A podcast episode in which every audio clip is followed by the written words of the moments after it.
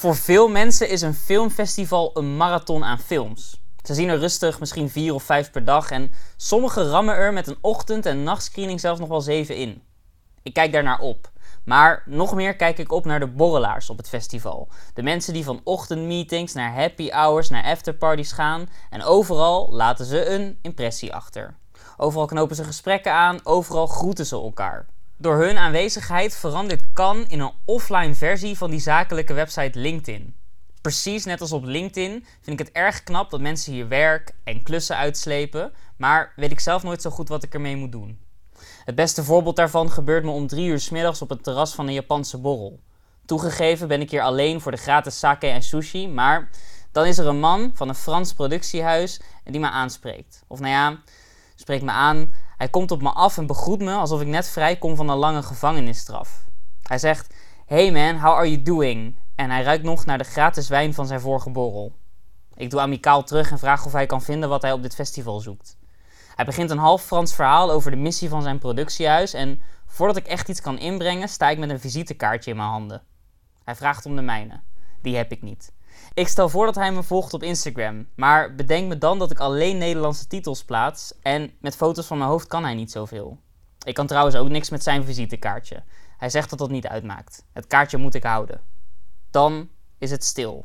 De beste man kijkt naar mij en ik kijk terug en hij lijkt iets te gaan zeggen, maar ik verslik me, waardoor het lijkt alsof ik iets ga zeggen. Dus hij stopt zijn zin en dan blijft het nog langer stil. Ik hoef nu niet per se iets te zeggen, denk ik. Daarom glimlach ik maar alsof ik een hete bitterbal in mijn mond moet bewaren. De Fransman steekt zijn arm uit, legt hem op mijn schouder en zegt: Have a good festival. Daarna loopt hij naar mijn collega en begint hem te begroeten met hetzelfde enthousiasme. Hey man, how are you doing?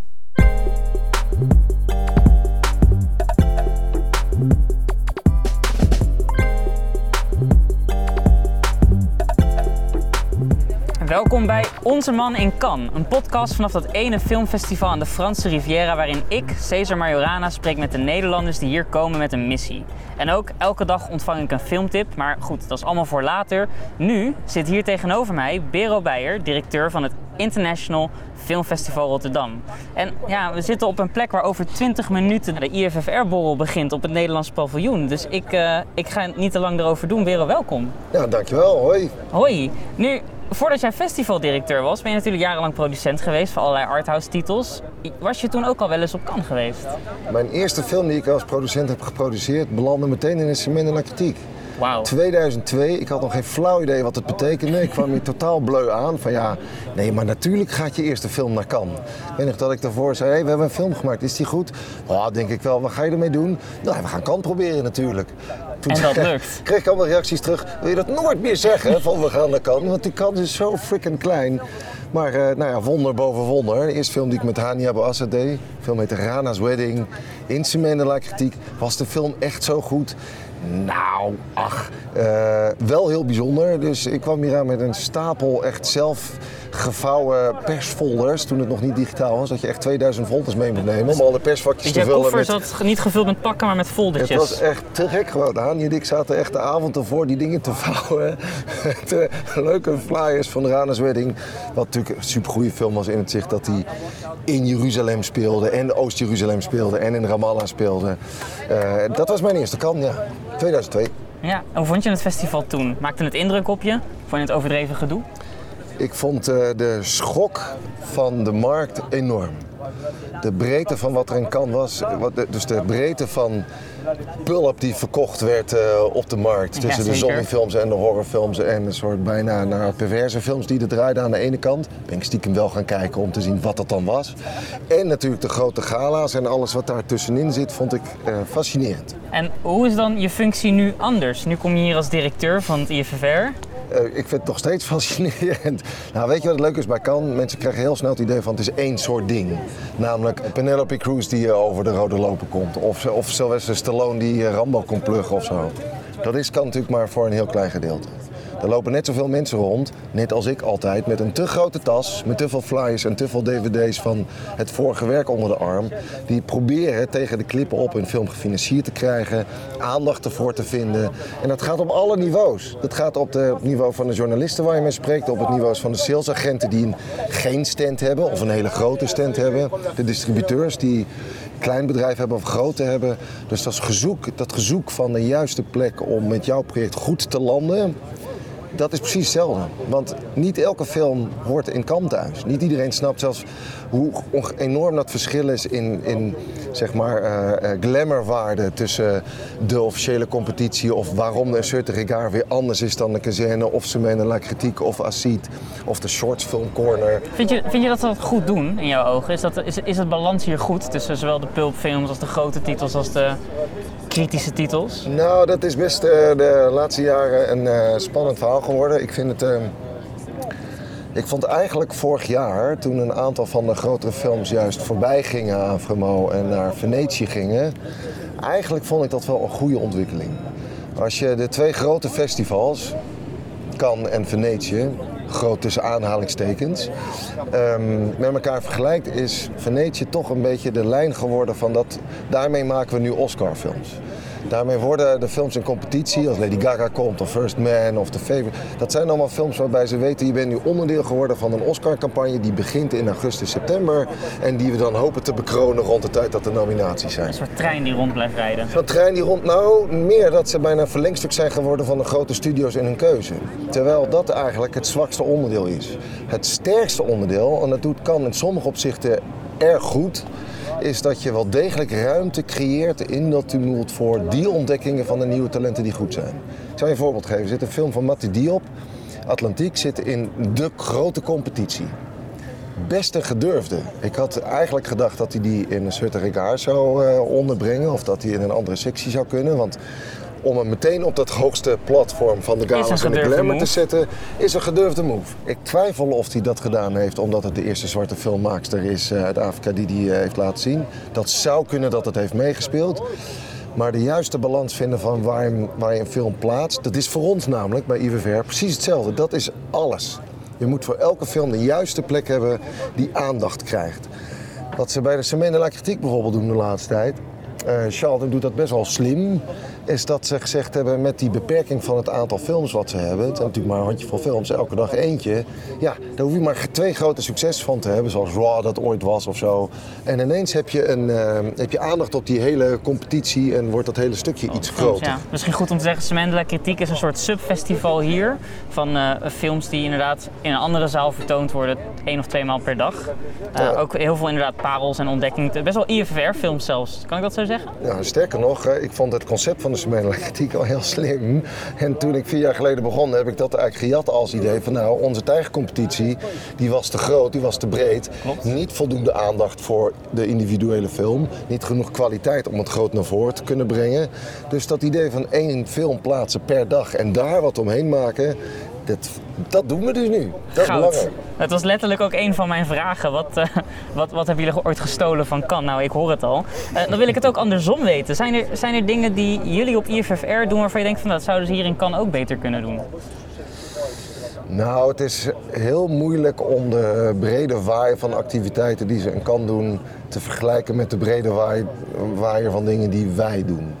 Ik vind het opvallend dat er de laatste jaren meer aandacht en inhoudelijke aandacht, dat ze die proberen te creëren met bijvoorbeeld masterclasses en talks. Ja. Uh, dat doen wij op een andere manier. Wij kunnen daar meer ruimte voor maken. Ik denk dat kan eigenlijk meer het probleem hebben dat je de totale FOMO hebt. Dat zullen, dat zullen jullie als journalist ook hebben. Er gebeurt te veel tegelijkertijd. Zeer zeker. En dat stukje, um, dat moeten wij dus niet doen. Wij zijn ook nogal geneigd, er draait natuurlijk ook heel veel films, dat je kunt verdwalen en dat je de weg kwijtraakt.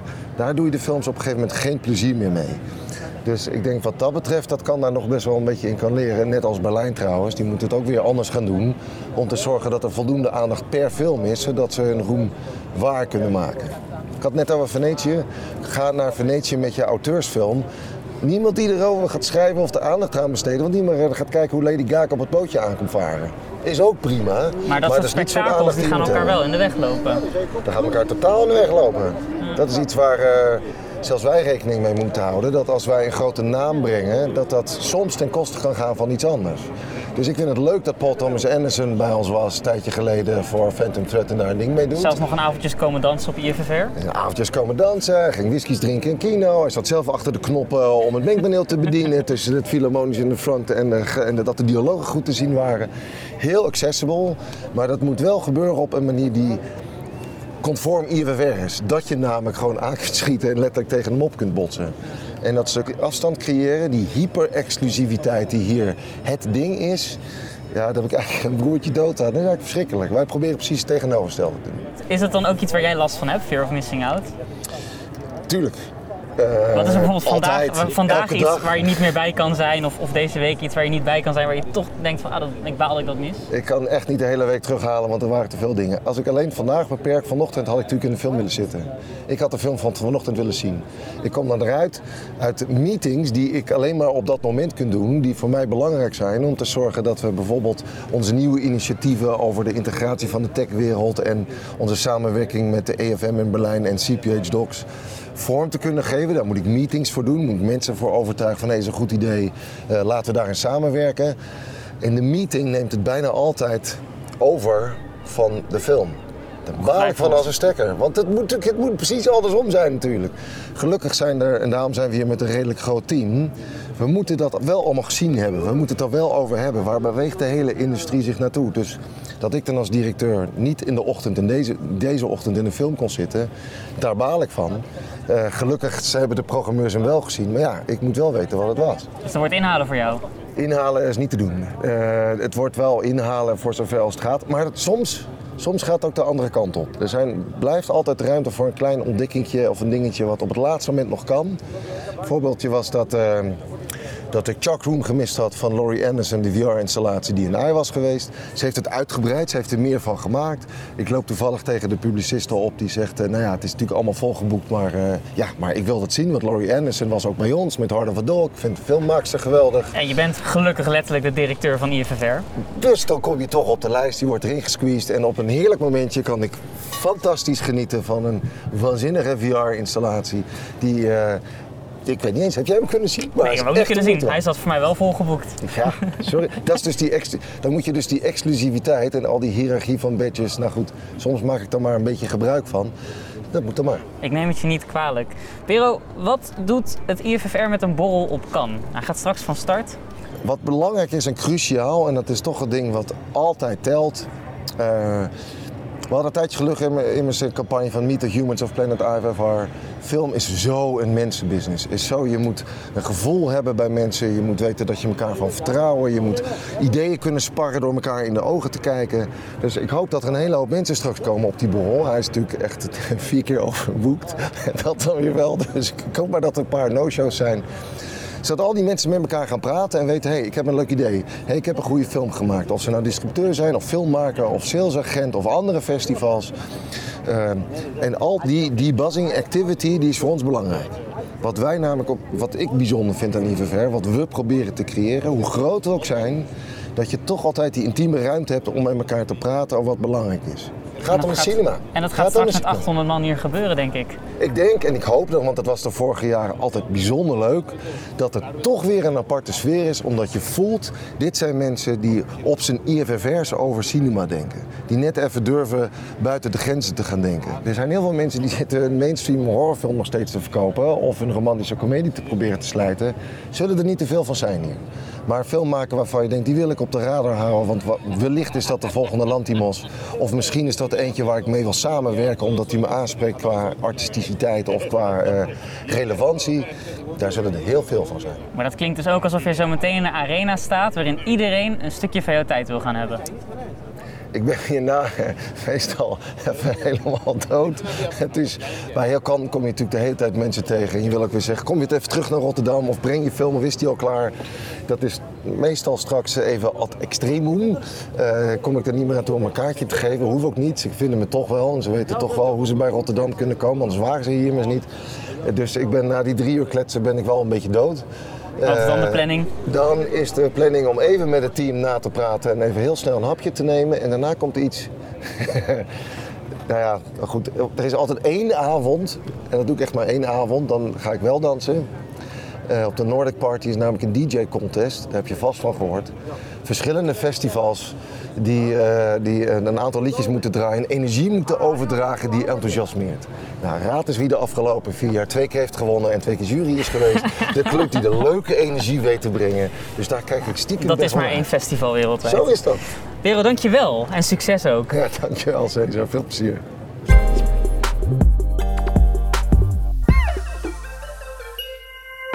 Oké, we zijn bij het tweede deel van deze podcast en daarin krijgen we een filmtip van een film die hopelijk ook snel in de bioscopen gaat verschijnen. En de filmtip komt vandaag van Nick Hortensius van het Leiden International Film Festival. Nick, welkom. Thanks. Eh, het Leiden International Film Festival. Je ontmoet vast heel veel mensen hier ook op Cannes die jou dan vragen, wat is dat precies? Eh, nou, in Cannes weten de meeste mensen het wel. Ik denk dat me- me- me- eh, omdat we bijvoorbeeld van de distributeurs die we tegenkomen, daar, daar werken we al met samen met films. Maar je merkt wel dat sommige mensen, of zeker theaters van heel Nederland, dat die denken, oh ja, Leiden, wat was daar ook weer precies? Nou, wat is daar precies? Nou, dit is een filmfestival. Eh, het is altijd in het najaar, een beetje eind oktober, begin november, tien dagen. En we laten ongeveer 100 verschillende films zien, fictiefilms vanuit heel de wereld. En ik doe de, de programmering. Cedric, die jullie al eh, in de uitzending eh, hebben gehad, de en eerder dag, die helpt ook mee met de programmering. Eh, en samen zijn we hier op zoek naar dingen om naar, naar Leiden te halen. Ja, en wat, wat is dan een typische Leiden International Film Festival film? Waar, waar voldoet die aan? Wat voor criteria heb je daarvoor? Ehm, nou, we hebben, we- het is de 14e editie dit jaar. Eh, en het is ooit opgericht door vier studenten. Die eigenlijk geen kennis van zaken hadden, maar gewoon vonden dat er, dat er aanbod miste in de Leidse bioscopen. En dachten, we gaan een filmfestival opzetten. En dat soort van speelse, of misschien bijna studenticose, dat er, dat er eh, toen was, is nog wel gebleven in de programmering. Dus we zijn bijvoorbeeld ten opzichte van Rotterdam iets minder serieus en ietsje speelser.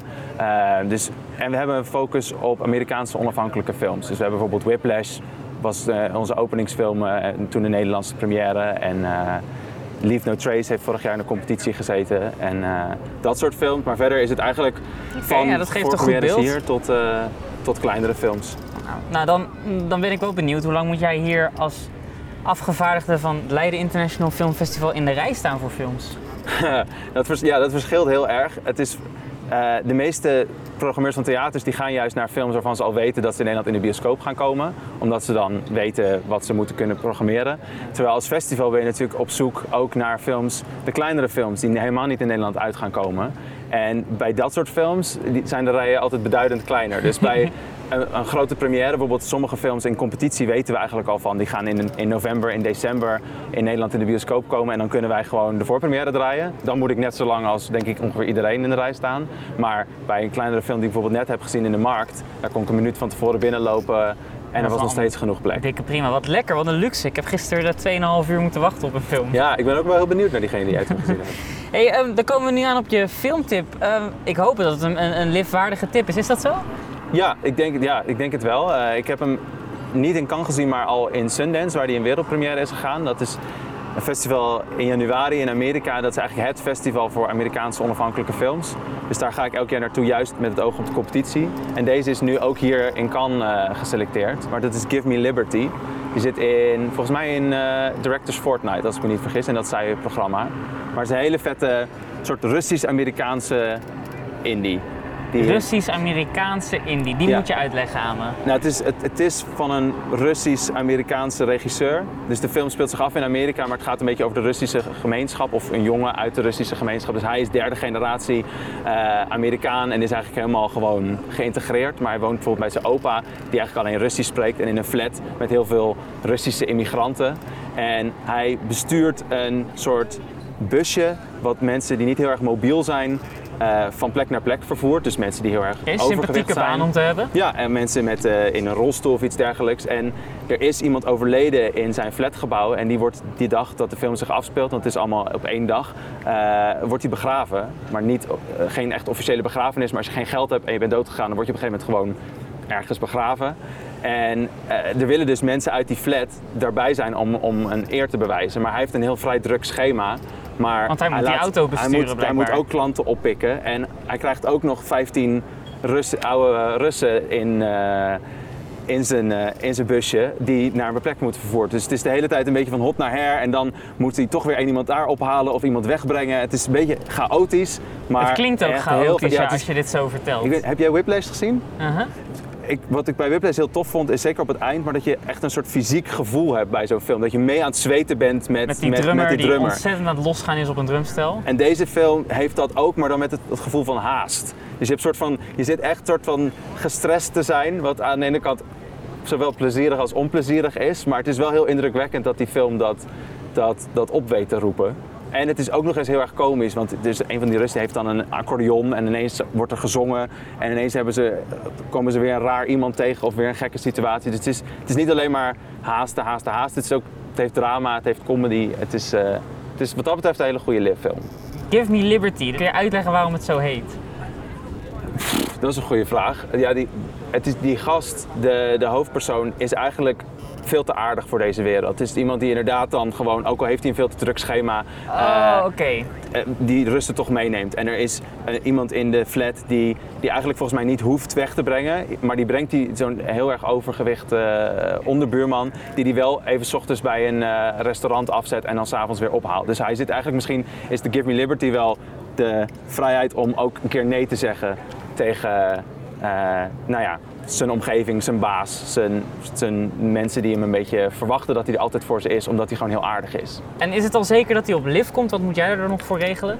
Nou, bij die is het spannend, want hij is in Sundance, eh, of vlak na Sundance, eh, gekocht door een distributeur, door September Film. En die gaan hem dus nog uitbrengen. Maar dat is nog een beetje, met, zoals met veel titels die hier eh, uitkomen, dat het nog niet zeker is wanneer die uit gaan komen. Waarschijnlijk in het najaar. Eh, dus als hij op een gunstige datum komt, dan, dan kunnen we hem eh, op het LIF ook draaien. Maar er zijn dus ook heel veel films juist die we hier aan het zoeken zijn, die helemaal niet in Nederland in de bioscoop gaan komen. En dan is het ietsje makkelijker, omdat je dan gewoon niet hoeft, afhankelijk bent van de distributeur en wanneer de film uitkomt. Want we laten eigenlijk alleen maar films zien die niet al in de bioscoop zijn geweest. Het zijn of voorpremières of films die helemaal niet in, eh, in Nederland hebben gedraaid. Dus in ieder geval het najaar en dan wel of niet op lift. Dat is nog even ik hoop spannend. het. Dat is aan jou. Ja, jij eh, moet het waar gaan ik maken. Ga, ik ga mijn best doen. Te gek, Nick. Dankjewel. Dit Give Me Liberty van regisseur Kirill Mikanovsky.